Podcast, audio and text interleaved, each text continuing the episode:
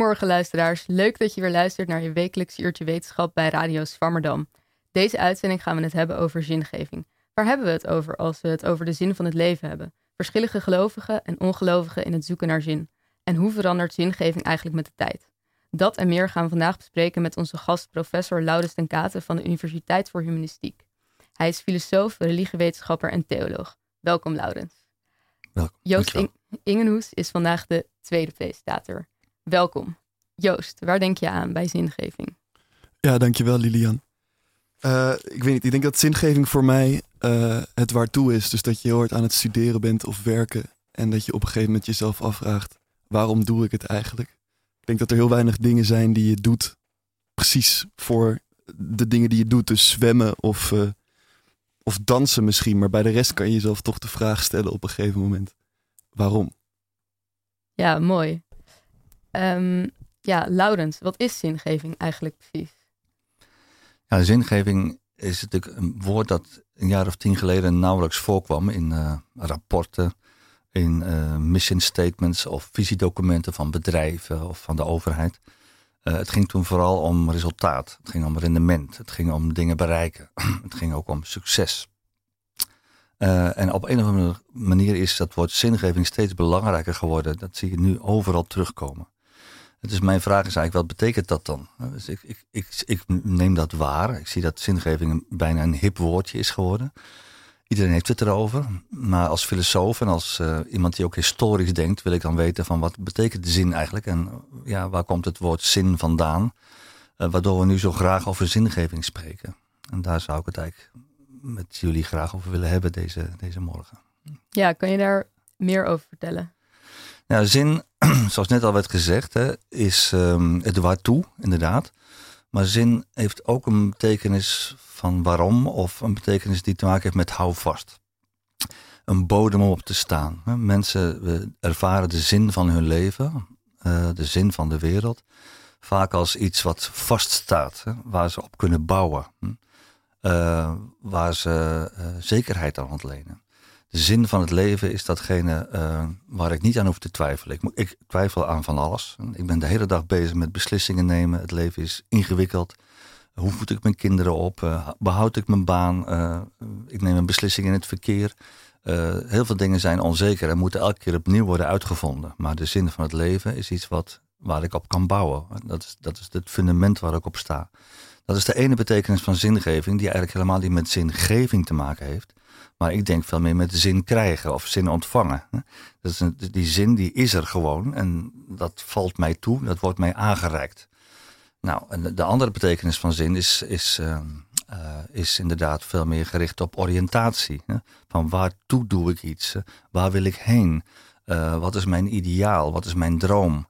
Ehm, dat is het, het, het Franse woord voor zin is sens, S-E-N-S. En dat betekent zowel zin in de zin van fundament, hè, maar het betekent ook richting. Hè.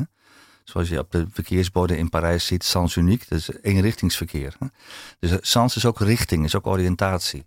En daar komt het woord zingeven meer te pas. Hè, omdat je zegt van nou, is blijkbaar moet ik zelf die oriëntatie, daar moet ik aan werken. Daar moet ik iets voor doen. Dat is mijn creativiteit om die zin ehm, ja, uit te stippelen. De zin van mijn handelen, de zin van de dingen die ik doe, waar het over gaat. Ja, en hoe doen mensen dat dan normaal gesproken? Hoe gaat dat in zijn werk? Dat weet ik niet zo goed. Eh, de- eh, wat ik nu probeer te beschrijven is eigenlijk een beetje een tegenstrijdigheid. Hè? Want je kunt niet en zin ontvangen en zin geven. Ja, of misschien wel. Hè? Maar in ieder geval, eh, de filosoof ehm, Charles Taylor, een Canadese filosoof, eh, die eh, een prachtig boek heeft geschreven, eh, Bronnen van het Zelf, eh, al eind jaren tachtig. Eh, en die ook heeft nagedacht over de manier waarop zingeving werkt in onze samenleving. De relatie tussen zingeving en ehm, religieuze tradities. Die Charles Taylor die, die, die zegt eigenlijk, die- moderne mens met zijn zin geven en zin ontvangen, die zit in een spagaat.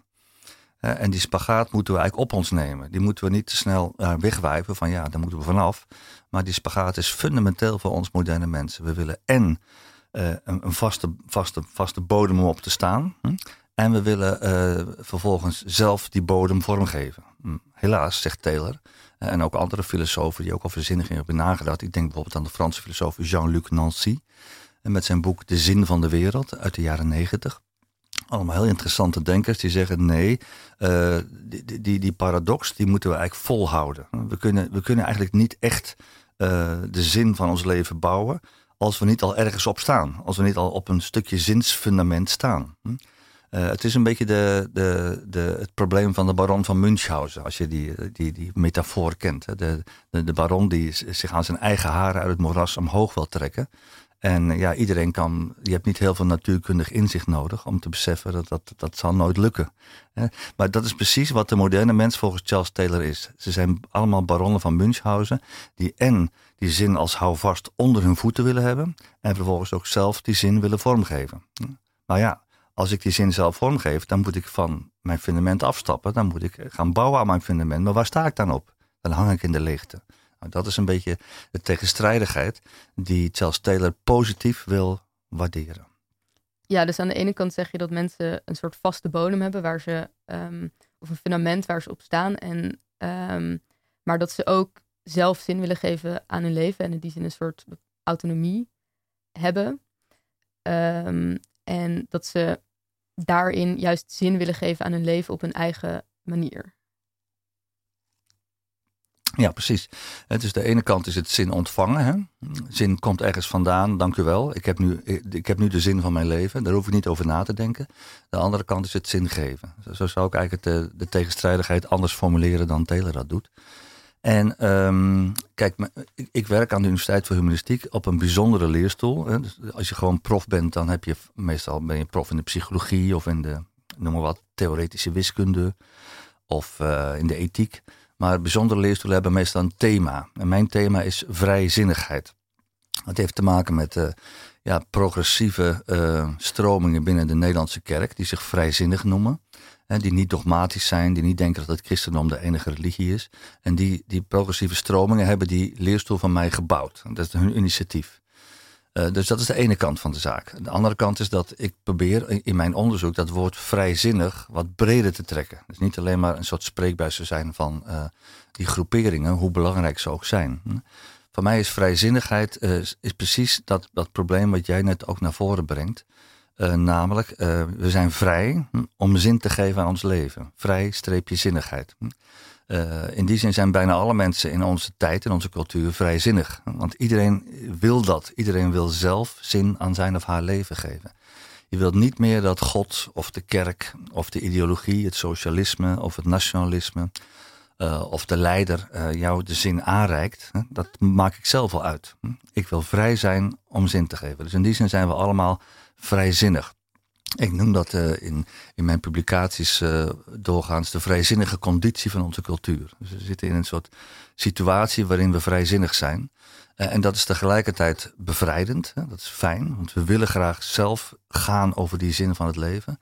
En anderzijds is het ook een groot probleem, zoals we net al schetsten. Want ja, zin kun je eigenlijk alleen maar ontvangen. Hè? Zin is iets waarop je bouwt, hè? Wat, wat je houvast geeft kan ik mijzelf houvast geven? Dat is eigenlijk een beetje uh, weer op een heel andere manier datzelfde dilemma geformuleerd van zin geven en zin ontvangen. Ja, en uh, je noemde net um, dat je bijzondere leerstoel verbonden is aan uh, een vrijzinnige stroming. En um, hoe zit dat dan met, want de leerstoel is ook ver verbonden aan de Universiteit voor Humanistiek. En ik denk dat dat voor veel mensen een tegenstrijdigheid is. Misschien kan je dan eerst nog uitleggen um, wat humanistiek ook is. Nou, humanistiek is uh, een prachtige studie. Het is een soort mix van uh, uh, menswetenschappen, sociale wetenschappen, zoals bijvoorbeeld psychologie en sociologie. en geesteswetenschappen, zoals het heet. dat is dan de ethiek, dat is de literatuur, dat is de filosofie, dat is de religie ook, et cetera, et cetera. en die mix is ja, ontzettend leuk, want dat heb je verder nergens op die manier.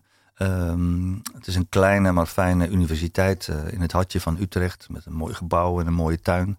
Uh, dus veel studenten ook. Dus dat is ontzettend leuk. Uh, dat, is, dat is humanistiek in de algemene zin. Maar mijn werk gaat erover dat humanistiek natuurlijk ook een verbinding heeft met humanisme. Hm? Dat wil zeggen humanistische organisaties in Nederland. Zoals het Humanistisch Verbond. Of Humanitas of Human, de omroep. Uh, het is niet een, een soort spreekbuis van die organisaties. De, de, wetenschap is uiteraard zelfstandig en autonoom. Maar we hebben wel een soort intensieve verbinding met die organisaties, met humanisme. En mijn onderzoek en mijn onderwijs en mijn werk gaat erover om te, af te vragen: wat betekent humanisme eigenlijk? Hm? Humanisme heeft met zingeving te maken. Juist in een tijd dat mensen niet meer vanzelfsprekend die zin ervaren als iets dat hun gegeven wordt. Bijvoorbeeld door God of door de kerk, door de religie. Eh, humanisme betekent een zeker afscheid van ja, de verbindingen die we hebben met de kerk, met de religie. Dus mijn vraag is eigenlijk in mijn onderzoek: uh, betekent humanisme nou dat mensen helemaal zelf zin willen geven aan hun leven? Of uh, betekent humanisme dat mensen op een andere manier zich verhouden tot datgene wat hun ontstijgt? Waar ze op hun grenzen stuiten, waar ze zich toch ook afhankelijk voelen van iets anders, iets buiten hen. De medemens of de wereld, of iets wat hun overstijgt misschien. Dus de verbindingen tussen humanisme en een soort ja, hedendaagse spiritualiteit, vrijzinnigheid, die vind ik heel interessant. En dat is trouwens ook het, het, een van de grote onderzoeksvelden van die Charles Taylor. Daar is hij ook voortdurend mee bezig. Charles Taylor zegt eigenlijk in een van zijn laatste grote dikke boeken, dat heet Een seculiere tijd, dat is ook in het Nederlands vertaald, zegt hij eigenlijk secularisering. Hè, dus dat betekent natuurlijk dat we afscheid nemen van de kerk en van God en van uh, nou ja, een, een, samenleving die helemaal gedomineerd is door de godsdienst. Hè. Dat, is, dat proces is al begonnen in de 16e eeuw, hm, zegt hij. Maar dat betekent niet dat wij in 2021 uh, uh, vaarwel hebben gezegd tegen alle vormen van uh, religie. Of beter gezegd van het, de ervaring van zin als iets dat mij ook gegeven wordt. In plaats van dat ik dat allemaal zelf in elkaar knutsel, die zin. Dus, dus, onze seculariteit, zegt Taylor, is een tijd waarin heel onverwacht en op een hele creatieve manier vaak nieuwe verbindingen ontstaan tussen um, wat hij noemt transcendentie en immanentie. Dat zijn twee ontzettend ingewikkelde filosofische woorden, maar die betekenen heel simpel dat wat je overstijgt, dat wat je niet in je, in je greep hebt, transcendent, en dat wat hoort bij de menselijke wereld, de wereld waarin wij blijven. Dat zijn twee woorden die uit het oude Latijn van de Romeinse beschaving komen, immanentie, transcendentie. Dus nieuwe verbindingen tussen um, zin ontvangen, zou je kunnen zeggen, in, in ons thema gesproken en zin, en zin geven. Uh, dat is voor, voor Taylor uh, onze tijd. Dus het is te makkelijk om te zeggen, we zijn nu klaar met uh, godsdienst, met religie. dat hebben we achter ons gelaten. We gaan het nu allemaal op een andere manier doen. Nee, we zijn nog steeds in een heel ingewikkelde dialoog tussen religieuze tradities en de nieuwe tijd, de seculiere tijd. Ja, en is het dan ook zo dat um, vroeger mensen, ja, als het ware, een soort van automatisch zin, zin hadden van hun leven en zich wat minder um, afvroegen of misschien minder die vraag ook stelden? Ja, dat denk ik. Hè. Dat is wat ik net zei. Dus, uh, maar dat zei ik eigenlijk een beetje in een hele algemene zin. Als je het over zin hebt, dan is dat iets wat vaststaat. Iets waar je op kan bouwen. Waarvan je kan zeggen, daar hoef ik niet over na te denken. Ik denk dat dat vroeger meer was dan nu. Hm. Nu zijn de mensen vrijzinniger dan vroeger. In de zin van dat ze veel meer gehecht zijn aan, ik wil dat zelf maken. Ik bouw een Facebookpagina met allemaal prachtige metaforen, verhalen, foto's, symbolen die mij inspireren. Dat is de zin van mijn leven. Maar ik bouw die Facebookpagina wel zelf. En die deel ik met mijn vrienden. En um, uh, het kan best zijn dat over een maand die Facebookpagina er anders uitziet. Dus dat, dat, daar ga ik zelf over. Dat is mijn zingeving, die Facebookpagina. Terwijl vroeger uh, ontleenden de mensen de zin van hun leven veel meer aan de pastoor, de priester. Of uh, de zuil waarin je leefde. Of de politieke beweging waar je bij hoorde. De arbeiders die hoorden bij een socialistische partij. En vanuit die, die gemeenschappen, vanuit die instituties, werd je aangereikt: zo leven wij. Dit zijn onze normen en waarden. Dit zijn onze principes. Daar gaan we voor. Daar hoef je als mens niet meer over. Daarin ben je ingebed dat is weer die kant van, de, van het zin ontvangen. Ik denk dat dat vroeger meer was dan nu. Ja. ja, ik vind het wel een interessante uitspraak wat je zei over Facebook. Zou je dan um, kunnen stellen dat de zin van, de leef, van het leven te vinden is op Facebook? Ja, dat weet ik niet. Oh. Ik, ik, denk dat, uh, dat de digitale veranderingen van de laatste 20, 30 jaar een enorme invloed hebben gehad op de manier waarop mensen met zingeving of zin ontvangen. Hè. Laten we ze maar allebei, maar als een soort ballen in de lucht houden, die twee woorden. Want die, die zijn allebei belangrijk. Bezig zijn. Uh, dat, dat heeft ook te maken met het feit dat de digitale verandering, de digitale revolutie, zoals sommige mensen wel zeggen, uh, het mogelijk heeft gemaakt om veel makkelijker met elkaar te communiceren, met de wereld te communiceren, maar ook veel visueler uh, te denken en te ervaren. Dus heel veel internet, heel veel Facebook, een, een Insta-account. Uh, de wereld op het web is visueel, is afhankelijk van beeld. Je, kijkt naar een beeldscherm. Je smartphone heeft een beeldscherm. En dat beeldscherm is een, belangrijk deel van je wereld geworden, van je belevingswereld. En in die beeldwereld, die mogelijk is gemaakt door de digitale technologie, um, krijgen mensen op een heel andere manier toegang tot zinvragen dan vroeger. Vroeger had je alleen maar het papier, had je de telefoon, hè, uh, had je eh, veel tragere media en uh, luisterde je naar muziek. Mijn kinderen die kijken muziek. Op YouTube, je kijkt muziek. Terwijl muziek is, heeft iets met je oren te maken. Dus die visuele veranderingen van onze tijd, die visualisering, visual culture noemen ze dat wel die heeft ontzettende invloed op hoe mensen um, met zinvragen bezig zijn, met zingeving en zin ontvangen. En mijn voorbeeld van die Facebookpagina is maar één heel simpel voorbeeld daarvan. Ja, ja, dus um, was het dan vroeger ook anders dat mensen minder beelden nodig hadden voor hun zingeving? Dat, dat denk ik niet. Ik denk dat beelden altijd belangrijk zijn geweest, maar dat het veel minder makkelijk was voor mensen. Denk bijvoorbeeld in de periode van de Renaissance, aan het eind van de middeleeuwen, 1300, 1400, 1500, uh, om zelf beelden te creëren. Dus beelden werden gemaakt door de wereld van de kunsten. Hm. Door de wereld van mensen die daarin getraind waren. Die een schilderij konden maken of een beeld konden maken. Een kleine afbeelding in een Bijbel, bijvoorbeeld een miniatuur.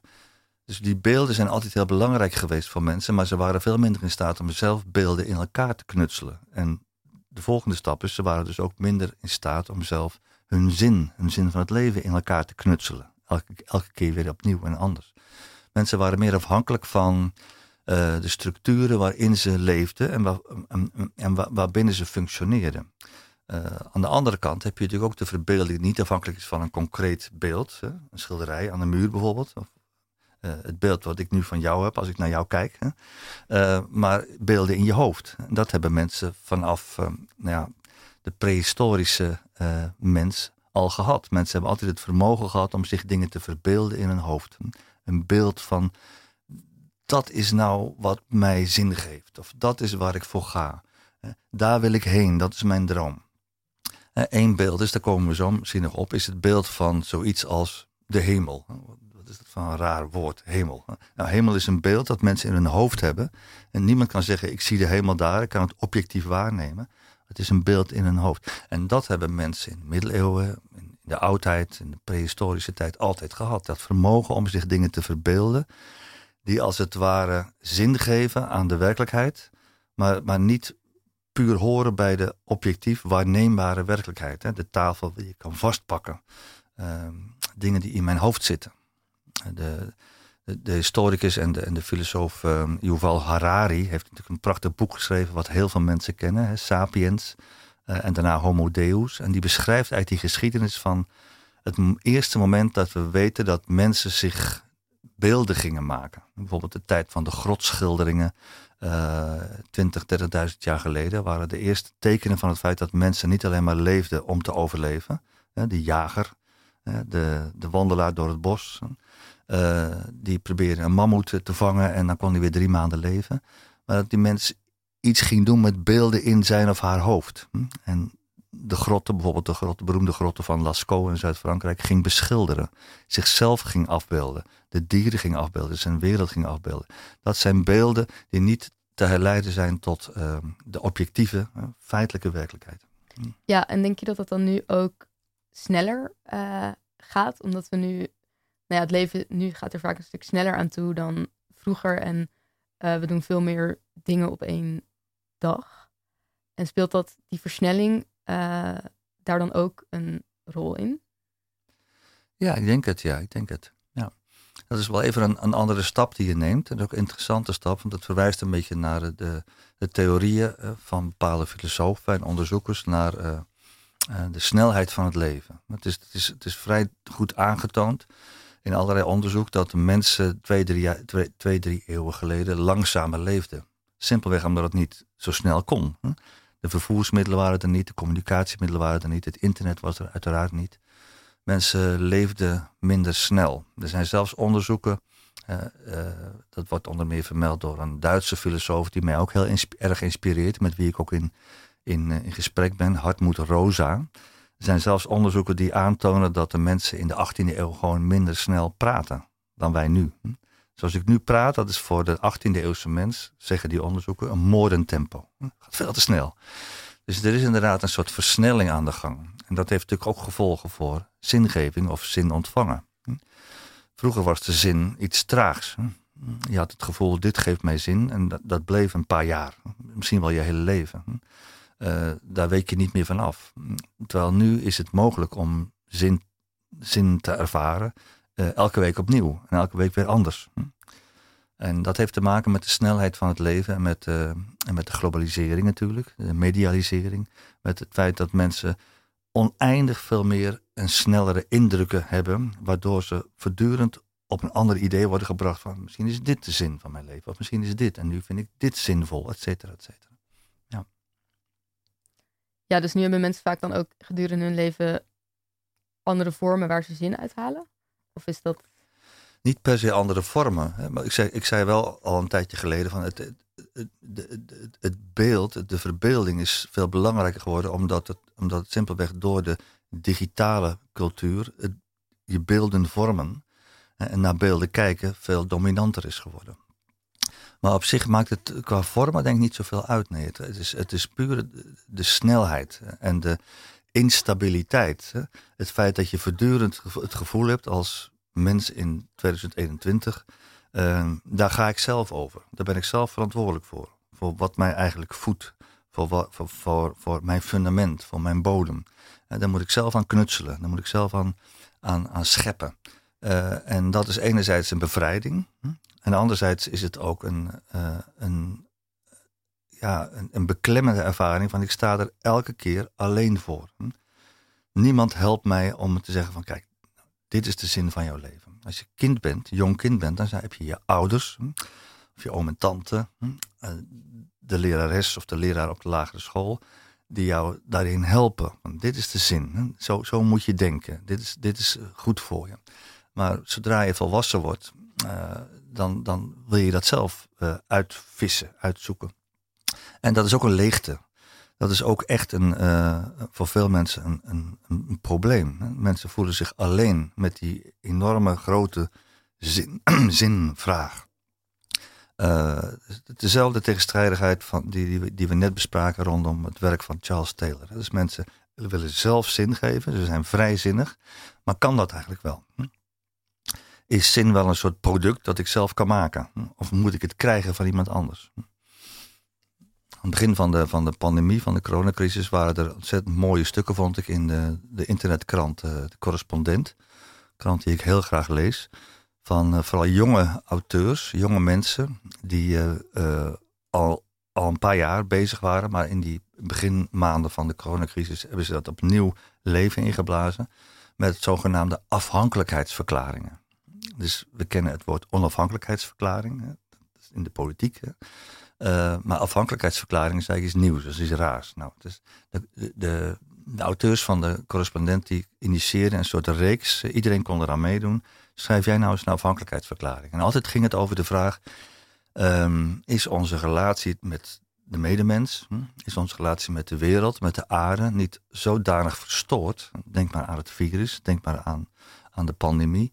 Uh, dat we gewoon dat ons onafhankelijkheidsstreven, ons, ons verlangen naar autonomie, naar vrij zijn om zelf zin te geven, daar ga ik zelf over, wil ik zelf bepalen, um, dat het op zijn grenzen stuit. Ontzettend hard op zijn grenzen stuit. En dat we toe moeten naar een nieuw soort verklaring van het feit dat wij eigenlijk afhankelijk zijn. En dat we dat toch ons door moeten laten dringen. En dat we daarover moeten nadenken. Hoe zijn we dan afhankelijk. En, en ehm, wat is de invloed van de ander op mij en van de wereld op mij, van, van de aarde op mij in tijden van, uh, van klimaatcrisis, in tijden van ja, ook politieke onzekerheid, waarbij steeds meer mensen eigenlijk er schoon genoeg van hebben om er alleen voor te staan. Hm? Dat mooie, autonome, moderne individu dat zelf zin geeft aan zijn of haar leven. Mensen zijn er klaar mee. En mensen willen ergens bij horen. Mensen willen zich verbonden voelen. Hm? Uh, de nationalistische en populistische stromingen, die, die natuurlijk sterk aan het groeien zijn in onze tijd, die beantwoorden daar in zekere zin aan. Ik zeg niet dat ik het daarmee eens ben, maar ik begrijp wel heel goed dat mensen uh, de totale onafhankelijkheid een beetje beu zijn. De vraag is natuurlijk, is er een andere manier om met die afhankelijkheid om te gaan door simpelweg je weer uh, een lid te voelen van een volk of van een club en te zeggen wij en zij, je bent binnen of bent buiten. Dat schema is misschien een heel verkeerd schema. Uh, ook een te makkelijk schema. Maar hoe dan wel? Hoe kunnen we dat dilemma van uh, vrijheid en verbondenheid, hoe kunnen we dat op een andere manier vormgeven? Ja, en hoe zouden we dat op een andere manier kunnen vormgeven? Oh, dat je stelt me wel heel moeilijke vragen nu. Dat is, dat is echt een hele lastige vraag. Hè? Dat, is de uitdaging van onze tijd. Ik heb daar twee jaar geleden een, een, stuk over geschreven met uh, een collega-filosoof, een voormalige filosoof des vaderlands, René ten Bos. Kennen jullie misschien wel. Uh, het dilemma van vrijheid en verbinding. Het, het, het, is echt een open vraag voor onze tijd. Niemand weet hoe dat precies moet. Maar dat, dat het nodig is om opnieuw, net zoals Charles Taylor en Hartmut Rozer dat op hun manier doen, na te denken over ja, in hoeverre zijn we onafhankelijk? En is het ook goed? Hè? Is het bevrijdend? Hè? Moeten we niet terug willen naar tijden waarin mensen compleet afhankelijk waren? Aan de andere kant, eh, in hoeverre zijn we niet net zo goed toch nog steeds afhankelijk? Hm? Maar die vraag kan ik niet goed beantwoorden. Misschien, misschien moet je daarvoor te raden gaan bij kunstenaars, bij, bij, eh, bij eh, vernieuwende politici, bij, ehm, bij ehm, theaterspelers, bij cabaretiers, die, die met beelden werken, die als het ware dat dilemma uh, laten zien. Het, het, gaat mij minder om een oplossing, van uh, we moeten die kant op. Uh, een beetje onafhankelijk, een beetje onafhankelijk. Een soort mispuntje van dit en een theelepeltje van dat. En dan zijn we eruit. Maar ik, ik wil meer een soort sensibiliteit inoefenen. En ik wil, ons, ja, ik wil dat, dat mensen daarmee bezig zijn. Een sensibiliteit voor dat dilemma. Dat zou ik al een enorme winst vinden als mensen daar meer zich van bewust zijn en proberen vormen, beelden te verzinnen om dat recht te doen, dat idee. Ja, en zouden we dan daarvoor ook inspiratie kunnen putten uit um, meer collectivistische samenlevingen, zoals bijvoorbeeld China? Niet onmiddellijk, nee, zou ik niet zeggen. Een, een, collectivistische samenleving, dat, dan moet je denken aan eh, de oude tradities in bijvoorbeeld China of in andere Aziatische uh, gebieden. Waar mensen zichzelf veel meer duiden in overeenstemming met, of minstens in contact met de natuur. Of met ehm, de wereld, of met uh, een bepaalde hm, traditie waar je bij hoort. Ja, in die zin kunnen we daar altijd wat van leren.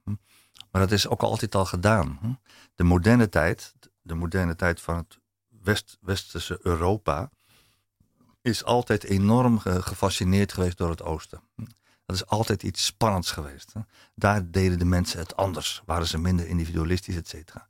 Eh, maar het is maar de vraag of dat echt zo is. Het is maar de vraag of niet ook in landen als het huidige China... de mensen op een bepaalde manier hyper-individualistisch zijn geworden. En wel degelijk, net zoals wij hier in Europa bezig zijn... om zelf zin te geven aan hun leven.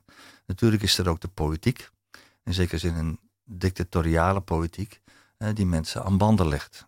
Maar je ziet in China, zou ik zeggen, niet zozeer een collectivistische samenleving. Misschien wel vanuit de geschiedenis van Azië, maar nu niet meer. Je ziet veel meer een samenleving waarin ook dat enorme conflict is tussen mensen die zelf, zelf de dingen willen formuleren en een overheid die ze eigenlijk wil betuttelen. Ja, helder. Um, we gaan het zo hebben over de relatie tussen religie en zingeving. Je wilde graag een live opname van het liedje Daarboven in de Hemel van Herman Vinkers laten horen. En daar gaan we nu eerst naar luisteren. Weet u, ook ik ben niet compleet knettergek. Ik heb HBS gehad. Dus ik ben een man van wetenschap, van feiten en zo meer. Als iets niet is bewezen, geloof ik het niet zozeer. Als men glashard aan kan tonen dat ik me vergis, pas dan zal ik geloven dat er geen hemel is. Ik zat in een tv-programma, een soort van kruisverhoor. Men vroeg mij daar, zeg Herman, één ding heb ik niet goed door. Je hebt toch HBS gehad, dat is geen kattenpis. Hoe kun je dan geloven dat er een hemel is? Ik zat in een tv-programma en ging nog verder mis. Er werd me haar van uitgelegd hoe ik me vergis.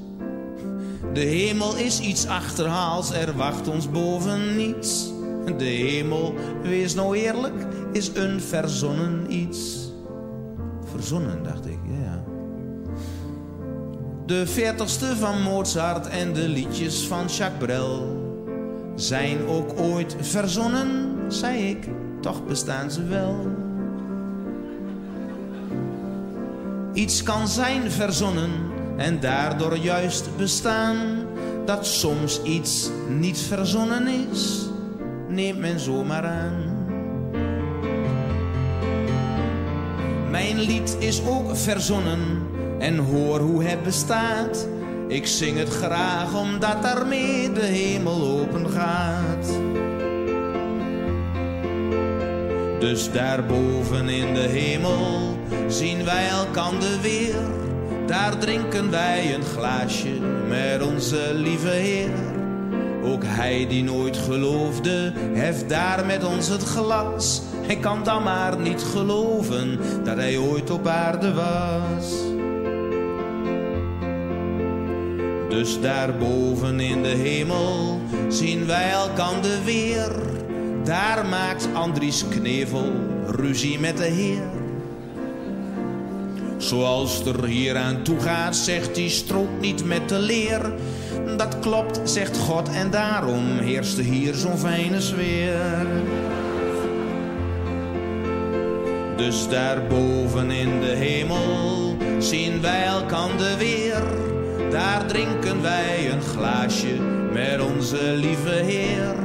Ook hij die nooit geloofde, heft daar met ons het glas. En kan dan maar niet geloven dat hij ooit op aarde was.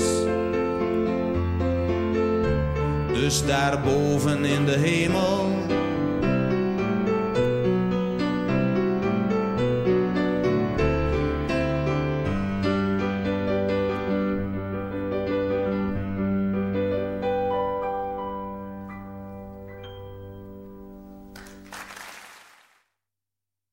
Ja, Laurens, waarom wilde je juist dit liedje laten horen?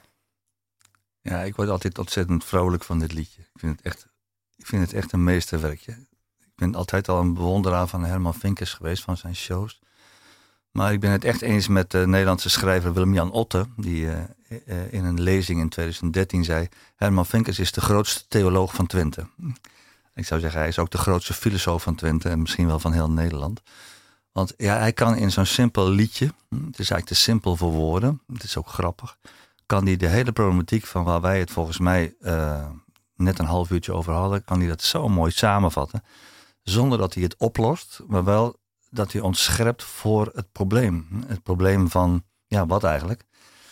Als we zin maken, als we zin geven uh, aan het leven, dan uh, zijn we eigenlijk bezig um, om ja, moderne mensen te zijn. We zijn, we zijn in charge. Wij doen het. Uh, wij maken zin. En tegelijkertijd is zin iets wat we ontvangen. Het is iets wat, wat, wat een wereld veronderstelt, die we misschien wel zelf gemaakt hebben, die we onszelf verbeeld hebben, die op ons terugwerkt. En waar we ons prettig mee voelen. Zoals de wereld die staat voor de wereld die wordt aangeduid met dat woordje hemel. Nou, daar gaat zijn liedje over. Uh, het liedje begint met een, uh, Met een verwijzing naar een uh, televisieinterview, wat ook echt heeft plaatsgevonden, een paar jaar daarvoor. Dat Herman Vinkers een beetje stevig werd ondervraagd. Van je zit altijd maar zo te flirten en te spelen met dat katholicisme, met dat geloof. Maar dat is allemaal ironie, Herman? Dat geloof je toch zelf niet? Hè? Spreek je nou eens uit. Hè? wij geseculariseerde mensen hebben daar toch afscheid van genomen. de hemel is een verzonnen iets. Hm? En Vinkers die um, wordt een klein beetje geïrriteerd. Hm? het, het, het, ging nog verder mis, zegt hij. Hè? Dat weet ik allemaal niet zo. Natuurlijk, eh, ik, zal niet zeggen dat ik zomaar in, in God geloof. Als een of andere hogere macht, een figuur, die boven in de hemel aan de knoppen draait en die ons bestuurt. Dat weet ik allemaal niet zo. Maar dat het zinvol is, zinvol eh, voor ons mensen, ook in onze tijd, met al onze individualiteit, met onze autonomie, om uh, in termen van hemel te praten. Uh, nou, dat zou best wel eens zo kunnen zijn. Iets kan zijn verzonnen, de hemel. Hm? Wij verzinnen de hemel. Hm? En daardoor juist bestaan. Hm? Als iets niet verzonnen is, nou, dan weet ik het dan niet zo goed. En dat vind ik zo prachtig, dat hij dat, dat dilemma van, ja, wij maken zelf zin, maar datgene wat we maken, dat werkt op ons terug. Dat neemt ons als het ware in ons op, dat beschermt ons, dat geeft ons een soort plek van, hè, hè hier wil ik even zijn, hemel. Uh, dat dilemma, dat geeft hij zo prachtig weer. En dat doet hij dan op de manier van een, van een ouderwets liedje, wat eigenlijk lijkt op een, uh, een christelijk gezang, hè, zoals we dat in de kerk ook, uh, met, met, de, piano. Het prachtige is ook dat hij het, dat hij het, in, in, het in de openheid, in, het, in het open laat op het eind. Dus hij denkt dat het refrein nog een keer begint, dus daarboven in de hemel. Dan komt daarna het refrein. En dan stopt het. Dus dat vind ik ook heel mooi. En, en het laatste wat ik erover wil zeggen is dat hij probeert om uh, de hemel te zien als iets dat pas tot leven komt, dat pas iets wordt, als ik, het, als ik erover zing. Hm? Dat zegt hij ook. Hè? Uh, de, hemel is iets wat, wat pas was echt van betekenis wordt in mijn lied, hm? zegt hij. Of zingt hij. Hm? Dus in feite gaat het misschien helemaal niet zozeer om de hemel als een plek elders waar ik heen ga naar de dood. Hm? Dat speelt ook mee bij hemel. Maar dat het de hemel de hemel op aarde is. De hemel naar beneden trekken in het hier en nu. Dat zijn allemaal dingen. Het is, ja, het is, het is eigenlijk een ontzettend rijk liedje. Het zit er allemaal in. Ja. Ja, en wat is dan eigenlijk het verschil tussen gelovigen en ongelovigen in hun zoektocht naar zin? Nou, ik vind uh, het spreken in termen van gelovigen en ongelovigen altijd heel erg problematisch. Ik denk van, hoe weet je dat zo zeker? Waar ligt die scheidslijn precies? Hm? Uh, mijn hele onderzoek gaat daar eigenlijk over. Hm? Ook mensen die niet religieus zijn, hm? die niet in God geloven, die zelfs helemaal niet kerkelijk zijn opgevoed, hebben een bepaald geloof. Hm? Misschien is dat niet een geloof in God, maar het is wel een geloof in iets dat aan de horizon ligt. Iets dat hun inspireert. Iets dat, um, dat hun op het moment dat ze, dat ze zeggen: Ik geloof daarin, nog te boven gaat. Iets wat nog moet komen. Ehm, je kunt in, in allerlei dingen geloven die, ehm, die je eigenlijk uh, min of meer veronderstelt. Hè? Van, zo zou het moeten zijn. Of zo is het. Het zijn allemaal claims. Dat is niet een kwestie van objectieve waarheid. Dat, dat, dat, willen de wetenschappers graag. Die willen objectieve waarheid. En sommige dingen zijn ook objectief waar. Het is bewezen dat een pilletje paracetamol helpt tegen mijn hoofdpijn. Godzijdank. Dat, dat werkt. Daar hoeven we niet over na te denken. Maar heel veel dingen uh, zijn niet zo objectief bewijsbaar. Zoals dingen die we claimen. Van, daar wil ik heen. Ik geloof in de mens. Hm. Ik geloof in de vooruitgang, hm, zeggen moderne mensen. Dat is een geloof.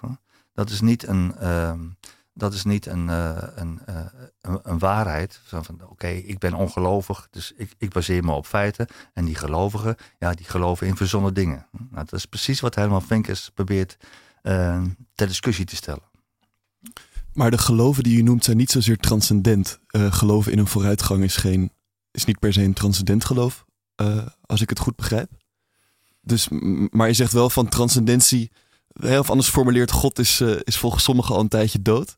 Maar volgens jou is, is transcendentie in onze maatschappij nog een instantie die ons zin, ons zin kan, kan geven.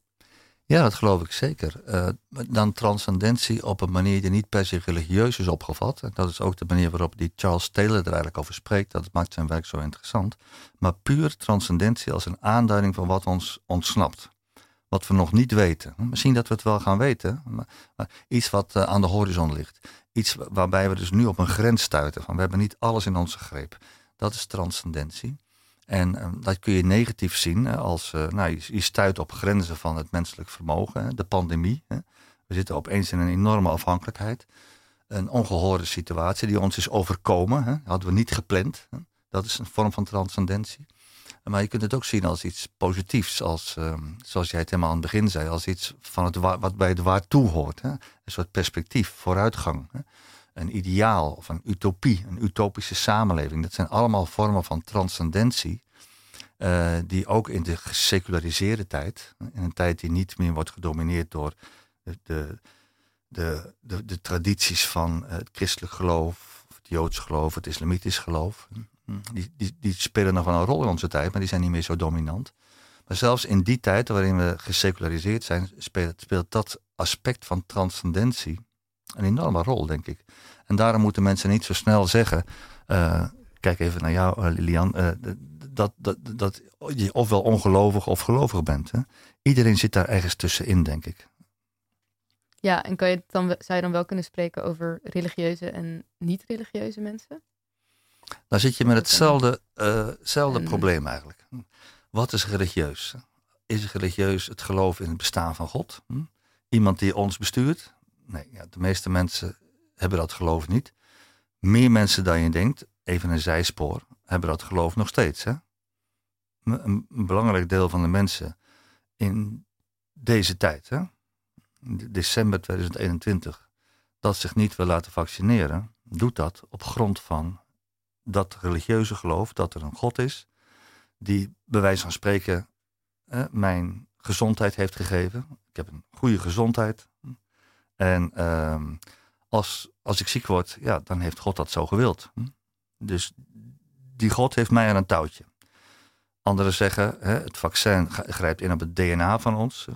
God heeft mijn DNA in mij geplant. God heeft mij een DNA gegeven. Daar mag ik niet aan tornen. Dat, is, mag ik niet doen. Dus er zijn nog steeds best wel veel mensen die met dat idee van religiositeit ehm, werken. Uh, maar heel veel mensen doen dat niet meer. Heel veel mensen zijn religieus op een heel andere manier. En dan heb ik het niet zozeer over religiositeit als het geloof in het bestaan van een hogere macht. Die echt letterlijk dingen met mij doet. Hè. Ik kan tot hem of haar bidden en, en, en, en vervolgens doet hij dingen voor mij of hij straft mij, et cetera. Maar die, um, die, die een religiositeit hebben die helemaal niet meer afhankelijk is van het bestaan van God, maar nog steeds spreekt in termen van het heilige, of het goddelijke of God als een soort naam voor iets. Een naam voor het transcendente. Uh, een andere filosoof die, die, die ik zeer bewonder en die ook uh, volgende maand uh, op bezoek is bij ons op de Universiteit voor Humanistiek op 11 januari is Richard Kearney, een Iers-Amerikaanse filosoof.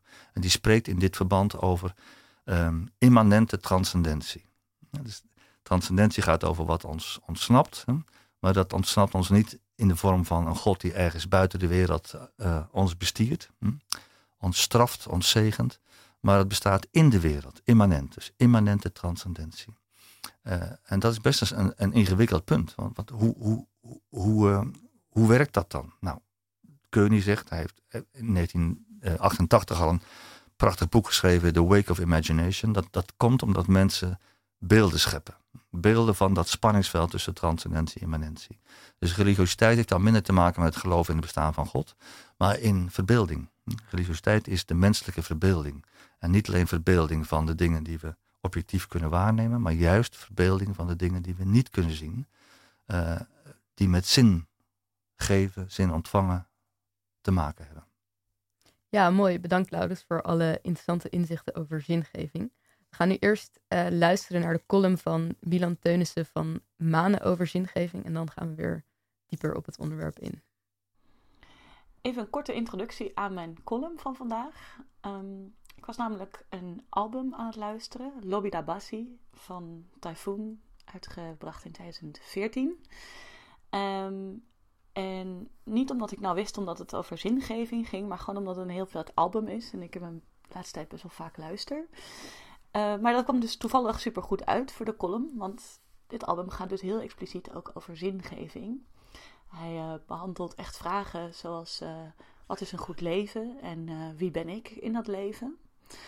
Um, dus ja, super passend. Dus je gaat Flarden van Typhoon terug horen. Um, uh, en natuurlijk van Laura Stenkaten zijn werk. Ik heb me ingelezen natuurlijk. En ik wilde ook even zeggen, mijn column is een Sinterklaasgedicht. Want ik heb een fascinatie met dat medium. Het is een soort cheesy format waarin heel veel vrijheid is. Um, en uh, ja, ik heb een lekker speels uh, met de onderwerpen aan de haal gegaan. Dus bij deze mijn column, een humanistisch Sinterklaasgedicht. een reflectie op het leven naar inzichten van denkers Laurens Tenkate en Typhoon. Het is koud, de vingers zijn stijf. Het is weer tijd voor het jaarlijks tijdverdrijf. Een periode om elkaar van alles te schenken, maar dan moet je eerst nog iets leuks om te geven bedenken. Want dit jaar wilde de Sint iets speciaals geven, iets wat voor de rest van ons leven zou blijven kleven. Niet weer het kopen, kopen, kopen van al die oppervlakkige troep, of genoeg nemen met je misselijk maken van al die chocola en snoep. Nee, liever iets dat bijdraagt aan je bestaan. Maar even in alle eerlijkheid, dat is zo makkelijk nog niet gedaan in het tijdperk van de epistem van de onzekerheid.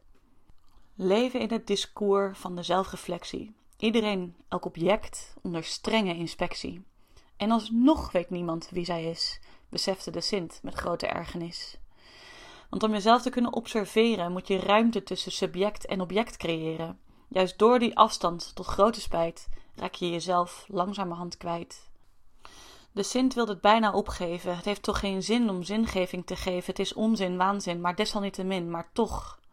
Misschien is juist dat te schenken. De Sint beseft het opeens. Het is historisch denken.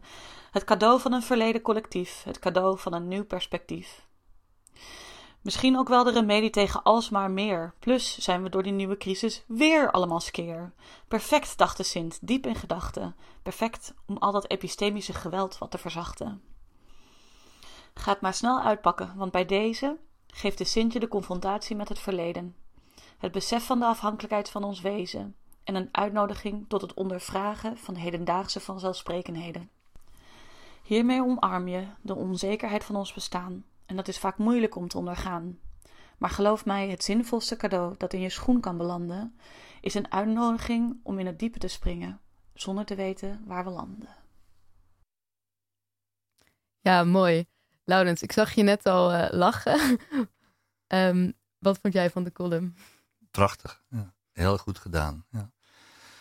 Ik weet niet waar ik moet beginnen, maar het, ik heb het natuurlijk nu voor net voor het eerst gehoord. Dus ik, uh, ik, moet echt improviseren. Maar ik vind het heel erg mooi, uh, zoals het, ja, de, zin zat, zat te denken, wat zal ik een puntje, puntje, puntje schenken. Dat dat als het ware wordt, um, wordt, wordt toegepast op de, het probleem van zin schenken. En, uh, en als, als, zin een geschenk is, uh, ja, schenk ik dat dan aan, aan, mezelf?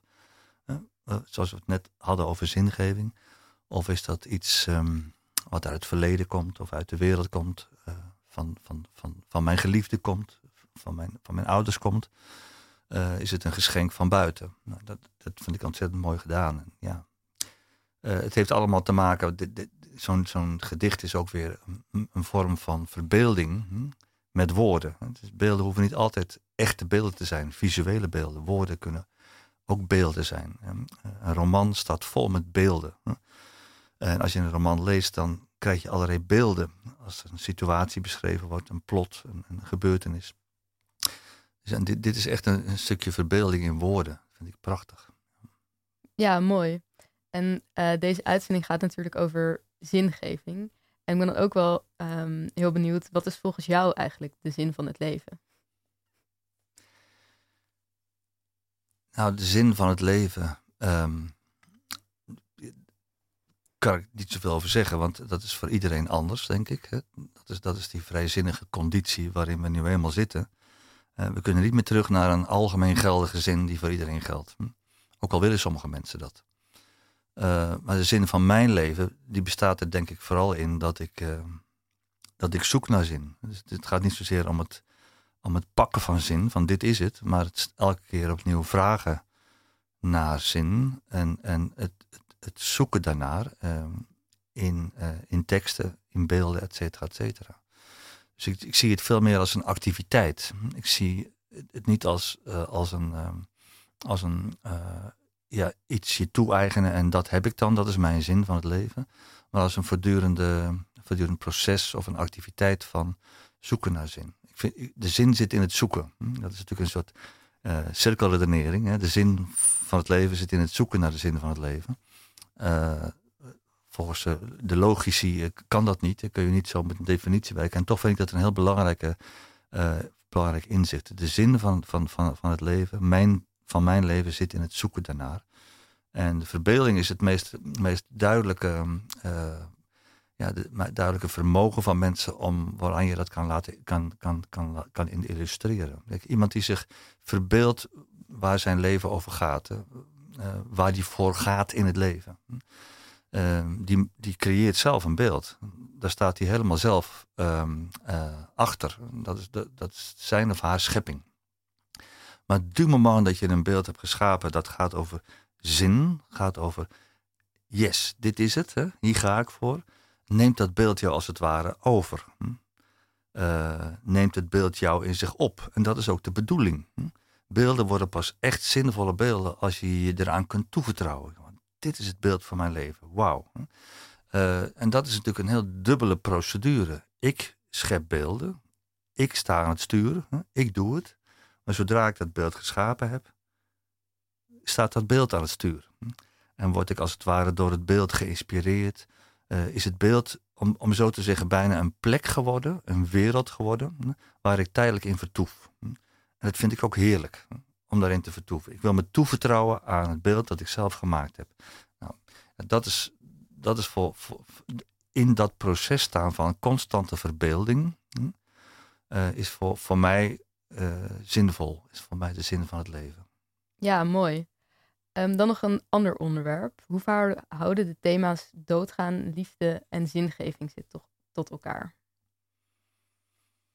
Nou ja, de dood en de liefde zijn natuurlijk ja, sinds mensenheugenis, maar ook, ook ontzettend uh, nadrukkelijk in onze tijd, zijn de thema's waarin dat uh, transcendente, waar we het net over hadden, op een of andere manier aan de orde is. Hm? Dat, dat, dat, dat steekt ons, dat, uh, dat houdt ons bezig, het verwart ons, het verwondert ons. De liefde is niet iets wat hoort bij de maakbare dingen. Als, als liefde maakbaar is, als ik precies weet wat ik doe wanneer ik verliefd ben op iemand, uh, of uh, als ik precies weet wat mijn geliefde voor mij betekent, dan is de liefde dood. Dan is er, geen, geen, is er niets meer aan. Dus de liefde veronderstelt niet weten, veronderstelt ergens in ondergedompeld worden. Net zoals in die beeldwereld waar ik het net over had. Liefde veronderstelt ergens aan toevertrouwen, of in termen van de correspondent, afhankelijkheid. Hm? het is niet voor niks dat, ja, dat is natuurlijk voor, voor, voor, moderne mensen die graag zelf aan de touwtjes willen trekken, is dat een raadsel. Hm? Het is niet voor niks dat uh, 90% van, van de rap, van, van, van, de, van de house, uh, van, van, van, van de popliedjes gaat over liefde, over liefdesverdriet, over I want you, et cetera, et cetera. Um, dat is, dat is het grote raadsel, het wonder en ook het inspiratiepunt van, van, van juist van onze cultuur, maar, maar van alle culturen. Het is in de Renaissance, het is in de madrigalen van Monteverdi, het is in, in de, de, de romans van, van Don Quixote. Overal vind je dat punt van de liefde. En de ja. liefde heeft een verbinding met de dood. Want in de liefde voel je je tijdelijk even bijna sterven. Je bent jezelf kwijt. Je weet niet meer goed wat je doet. Ben ik dit? Uh, vraag je jezelf af in de liefde. Dus liefde en dood hebben ook op dat punt iets met elkaar te maken. Dan gaat het niet over de fysieke dood, de echte dood, als het lichaam, maar dan gaat het over de ervaring van tijdelijk sterven. Dus in die zin hebben die twee met elkaar te maken. Ja, en schuilt dan die oncontroleerbaarheid van de liefde en de dood, waar je het net over had, dan ook uh, geluk? Ja, ik denk het wel. Ja. Geluk is niet een, uh, een verworvenheid. Geluk is niet iets wat ik heb. Hè. Geluk bestaat in het streven naar geluk. Geluk bestaat in uh, iets wat elke keer wijkt aan de horizon, wat opgeschort wordt, waar ik mee bezig ben in plaats van uh, nu ben ik gelukkig. Dit is mijn happiness, klaar, weet je wel? Dat zit hem hier en hier en hierin. Een mooi huis, een uh, geslaagd huwelijk, een mooie auto. Dat zijn allemaal slappe aftreksels van geluk. Geluk is iets wat ik nooit in de vingers heb. Want hoe verhouden geluk en zingeving zich eigenlijk tot elkaar? Het streven naar geluk eh, is een zinvol leven. Dat zei de, de Griekse filosoof Aristoteles al. De, de, de deugd van de mens, het deugdzaam leven, bestaat erin dat je streeft naar het geluk. en dat je dat streven elke keer openhoudt. Dat je daarmee bezig bent. Ehm, het- het goede leven is je leven, leven met het oog op het goede, maar zonder dat je ooit claimt: ik heb het goede nu in de pocket. Dat Ja. is van mij. Ja, ik hoorde eindtune overspelen en dat betekent dat we aan het einde zijn gekomen van deze uitzending van Radio Swammerdam over zingeving. De gast was professor Laurens ten Katen. Ontzettend bedankt. Ook wil ik graag Joost Ingenhoes bedanken voor de techniek en tweede presentatie. Dankjewel. Reageren op deze uitzending kan via Facebook, Instagram of Twitter. Volg ons daar ook vooral, dat vinden we altijd leuk. Mailen kan natuurlijk ook naar redactie.radioswammerdam.nl Volgende week zondag kan je weer om 11 uur luisteren naar Radio Swammerdam op Radio Salto. We gaan het dan hebben over verloskundige wetenschap. Als je uitzendingen wilt terugluisteren, dan kan dat via je favoriete podcastkanaal. Namelijk via Spotify, iTunes of Soundcloud. Of neem een kijkje op onze website radioswammerdam.nl. Dit was Radio Swammerdam. Bedankt voor het luisteren. Hopelijk tot volgende week. En voor nu nog een hele fijne zondag.